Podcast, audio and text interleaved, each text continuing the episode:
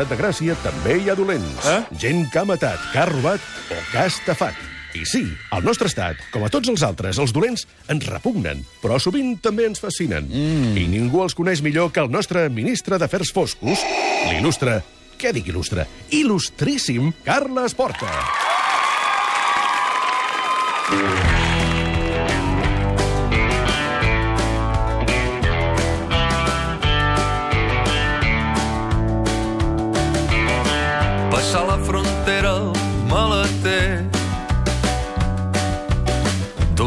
Mercedes verd i atrotinat.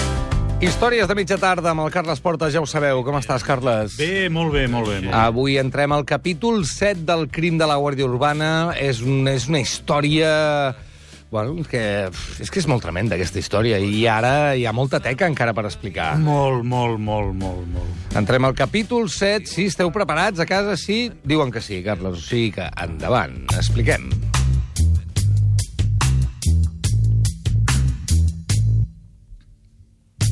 Capítol 7 del crim de la Guàrdia Urbana. Repassem. El mort és el Pedro, que ha estat trobat calcinat al maleter del seu cotxe.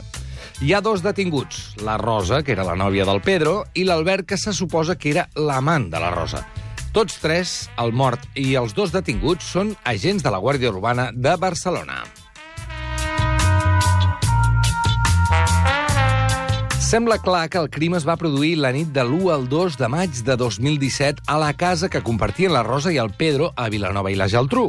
La policia, amb els seus reactius químics, ha trobat rastres de sang per tot arreu i també ha trobat gotes de sang a peces de roba i sabates de la Rosa i de l'Albert.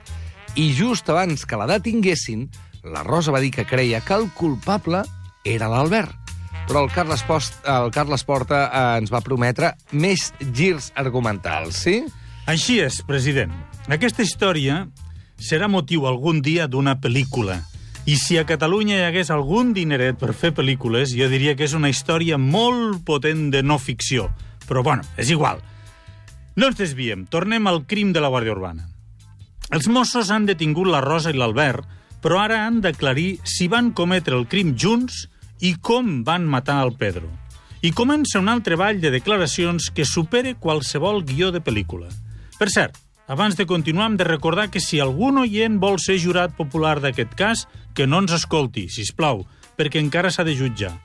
Un petit parèntesi o nota a peu de pàgina, un detall que consta al sumari i que no vol dir res. La Rosa Peral va acceptar que li fessin mostres que li agafessin mostres d'ADN. Sí. I l'Albert López no.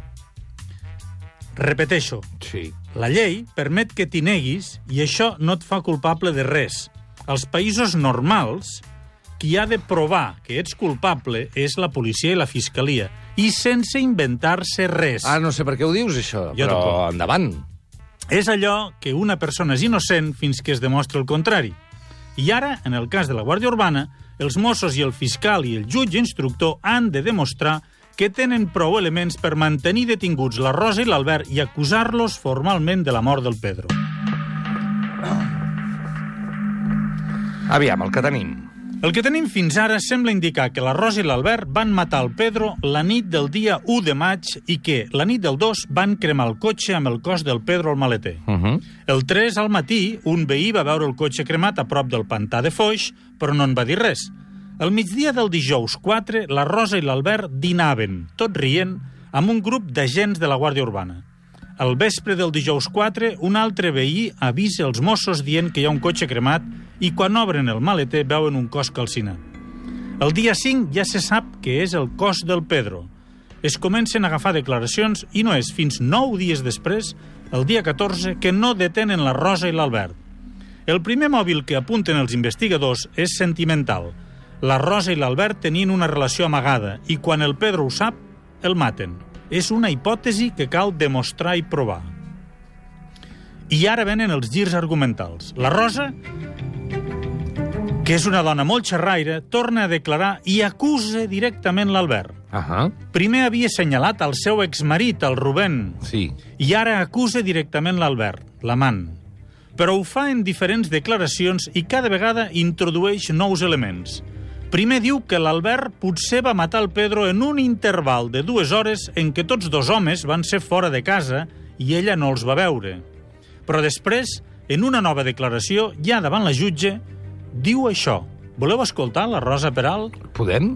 Sí? Va, escoltem-la. Ara oh. sentireu la Rosa explicant com l'Albert va entrar de matinada a la casa de Vilanova i la Geltrú on vivien la Rosa, el Pedro i les nenes. Era de madrugada. Le veo que salta a la valla con una mochila y, y con un palo que sobresalía de la mochila. Y me, y me enseña que lleva el arma reglamentaria, hace así y me dice, dame el móvil. Le doy el móvil, lo tiro al suelo y me voy corriendo para arriba. Y cuando subo arriba cierro la puerta con llave y bajo todas las persianas. Empiezo a escuchar muchos golpes. Me, me grita, me dice que me asome o que baje, que si no va a subir a por las niñas. Però això no ho va denunciar en cap moment, no? No, no ho va denunciar. Amb aquesta declaració quedaria clar que l'Albert es va presentar de matinada a casa de la Rosa. Va saltar la tanca, la Rosa ho va veure i l'Albert la va fer pujar a dalt al primer pis. Però... I el ja- Pedro? On era el Pedro, exactament? Sí, senyor. Si va, Dormia? si va fer cops i ella estava espantada, se n'hauria d'haver donat el seu marit. Ningú en va parlar d'això. En les declaracions i el sumari no queda clar, ningú diu, ningú s'hi refereix.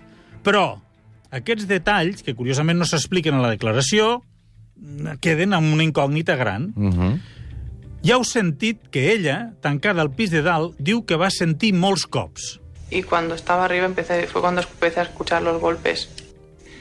Entonces me asomo y digo, ¿qué, qué quieres? Y lo veo con una braga tapándose, que tiene la braga tapada hasta aquí, con ropa oscura y con un hacha en la mano, con guantes de, como de, de jardinería y el hacha llena de sangre y, y con salpicaduras de sangre en la cara.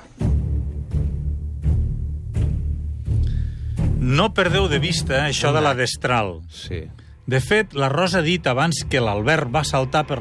La, ha dit abans Sí. que l'Albert va saltar la tanca con el arma reglamentària I un palo.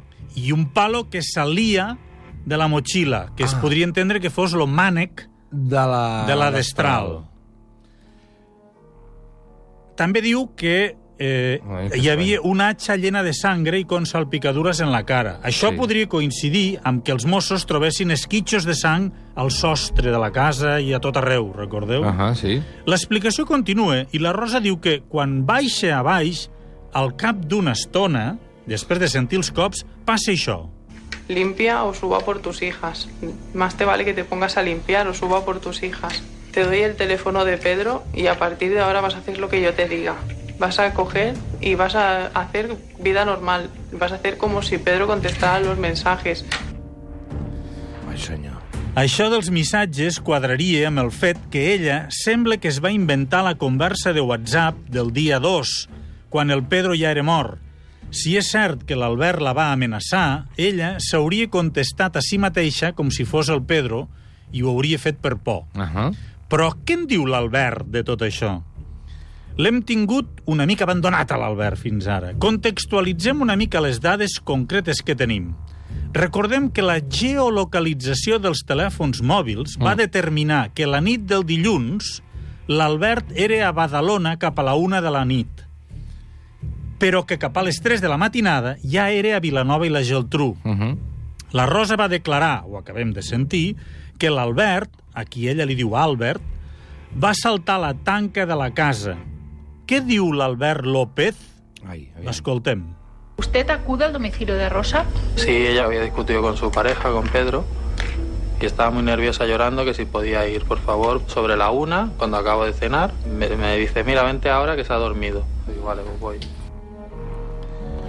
Bueno, més contradictori no pot ser una declaració de ah, l'altra. amigo, aquí comença una situació que no serà fàcil de resoldre, ni per la policia ni pel jurat popular que jutjarà el cas. Qui diu la veritat? De fet, podríem dir que serà un relat en tres dimensions. Una dimensió serà la versió de la Rosa, una altra dimensió serà la versió de l'Albert, i una tercera dimensió, i segurament la més important, seran els fets i detalls que es puguin comprovar i siguin irrefutables, perquè en aquests fets, en aquestes proves incontestables, s'hauran de fonamentar l'acusació i el veredicte. Escoltem una mica més les declaracions de l'un i de l'altre i mirem de construir els arguments de l'un i de l'altre. És molt difícil. O sigui, ara m'estic posant la pell de fer de jurat I em sembla molt difícil. I espera't. I espera't. Això és la punteta. Escolta'm una mica més les declaracions. Sí. Recordem, però, que en aquest moment de la investigació encara no se sap com han matat la víctima. El cos estava molt cremat i es feia molt difícil saber-ne les causes de la mort. Però, perdona, la d'Astral, si el cos no estava tallat en cap, en cap moment, o sí? I sempre t'avances. sempre t'avances. Vale, t'ho contesto. Uh, el cos estava tan cremat i tan calcinat Sí. que a la primera autòpsia no es veu si està tallat o no està tallat, perquè els ossos estan desfets, són cendra. D'acord. Costa molt de veure. Ja hi entrarem en aquest detall, perquè amb temps i amb microscopis acabaran sortint algunes cosetes. Mm? De totes maneres, en aquest punt també puc dir-te, tot i que ho guardava per més endavant, No clar, ho diguis! No ho diguis! no hem trobat la destral encara. Ah, Va, no? No, Mare meva. és a les paraules de la Rosa i després, potser, de l'Albert, però no l'hem trobat. Jo vull fer un apunt. És a dir, perdona, eh, no vull frivolitzar, però si cremes un cos, per què no ho reculls? I ho llences en un altre lloc? Després? Bueno, tot això ja són coses... eh, Suposo que Eh. el foc es va apagar una mica abans de lo que ells confiaven, esperaven, no ho sé, és difícil. Eh, Ja ho Bueno, veurem, ja hi passarem pel cotxe cremat. Ja hi passarem, ja ho veuràs també que divertit.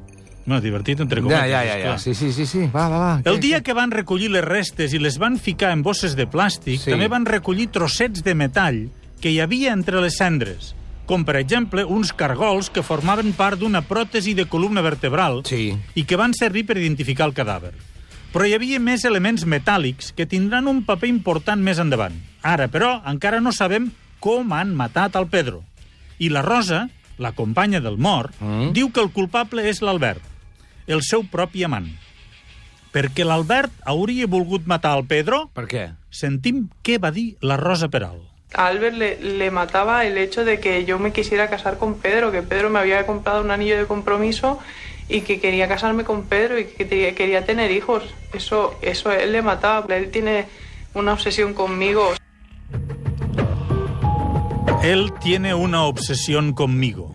Però, Quina- perdona, en el moment en què eh, el Pedro li demana amb ella per casar-se, ella té demant a l'Albert, no?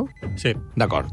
Aquest és un detall... No, no, no vull jutjar pas, eh, que cadascú faci el que vulgui amb la seva vida. Ui, ui, si entrem Només amb això... faltaria. No, no, no, això no la fa més culpable. No, en absolut. Però era, era per posar... No la fa Però més... no, no estaven separats en aquell moment, no havien tallat amb No. l'Albert.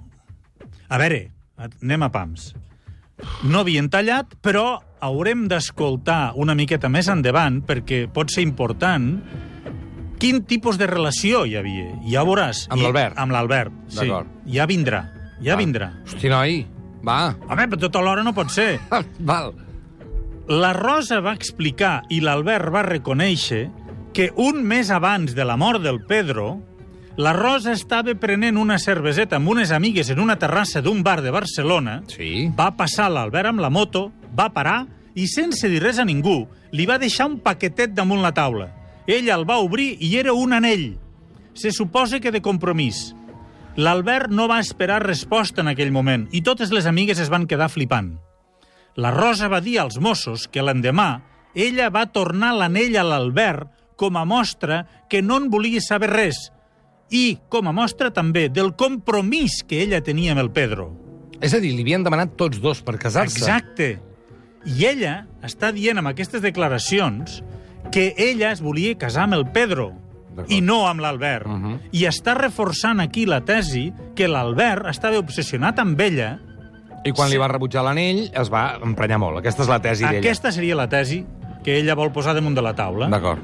Els Mossos han trobat molts elements i testimonis que confirmen una relació entre l'Albert i la Rosa, però no queda clar si es pot parlar d'una obsessió de l'home cap a la dona o si era una relació de comú acord i amagada al Pedro. Uh -huh. Què en diu l'Albert? Ens havíem quedat aquí, oi? Sí. Escoltem un pessic de la declaració de l'Albert. Y me abrió el maletero y tenía el cuerpo dentro. Había, había sangre, mucha sangre. mm, Picoteada por abajo el coche. Però quin merder és aquest? Però no ho entenc. L'Albert, amb tota la tranquil·litat del món, diu que quan ell va arribar, ja hem sentit abans que l'Albert va dir que va ser la Rosa qui li va demanar que anés a Vilanova, quan l'Albert va arribar a Vilanova, ell diu que el cos del Pedro ja era al maleter del cotxe. Sí, però diu... Qui, qui diu la veritat? Me... Sí, no, val, no ho sé, no en tinc ni idea. Però ell diu, me abrió el maletero. És a dir, que ell no hi va anar sol. No, ell, quan arriba, això en parlarem la setmana que ve. Me caig. Quan ell arriba, la Rosa Li li, diu. obre el maleter del cotxe Sí. i allí veu el, mal, el, el mort. Això és el que diu l'Albert. Quan arriba a casa d'ella, Sí. amb el Pedro dormint. Bueno, Ai, no, dormint no, al cotxe. clar. Ai, quin embolic! Val, val, val, val. Si vols ho repassem. La Rosa diu que l'Albert va anar de moto propi a Sí, casa d'ella i la va amenaçar. va saltar la tanca Sí. amb una destral i l'arma i la va amenaçar. Ell es va tancar dalt i ell va donar cops, va fer serolls, i quan ella va tornar a baixar, es va trobar el Pedro ensangonat i amb una destral a la mà. D'acord? Sí. I l'Albert diu que quan va arribar a casa de la Rosa, que hi va anar perquè la Rosa l'havia trucat perquè havia discutido con su pareja, quan ell va arribar allà, la Rosa li va ensenyar el maletero i dins hi havia el cadàver del Pedro. Hosti, no, i més, La setmana que ve expliquem més detalls. més oposades no poden ser aquestes versions. No, ara vull acabar-ho ja, ja ho vull saber tot. No, La setmana que ve. la setmana que ve. Adéu, gràcies.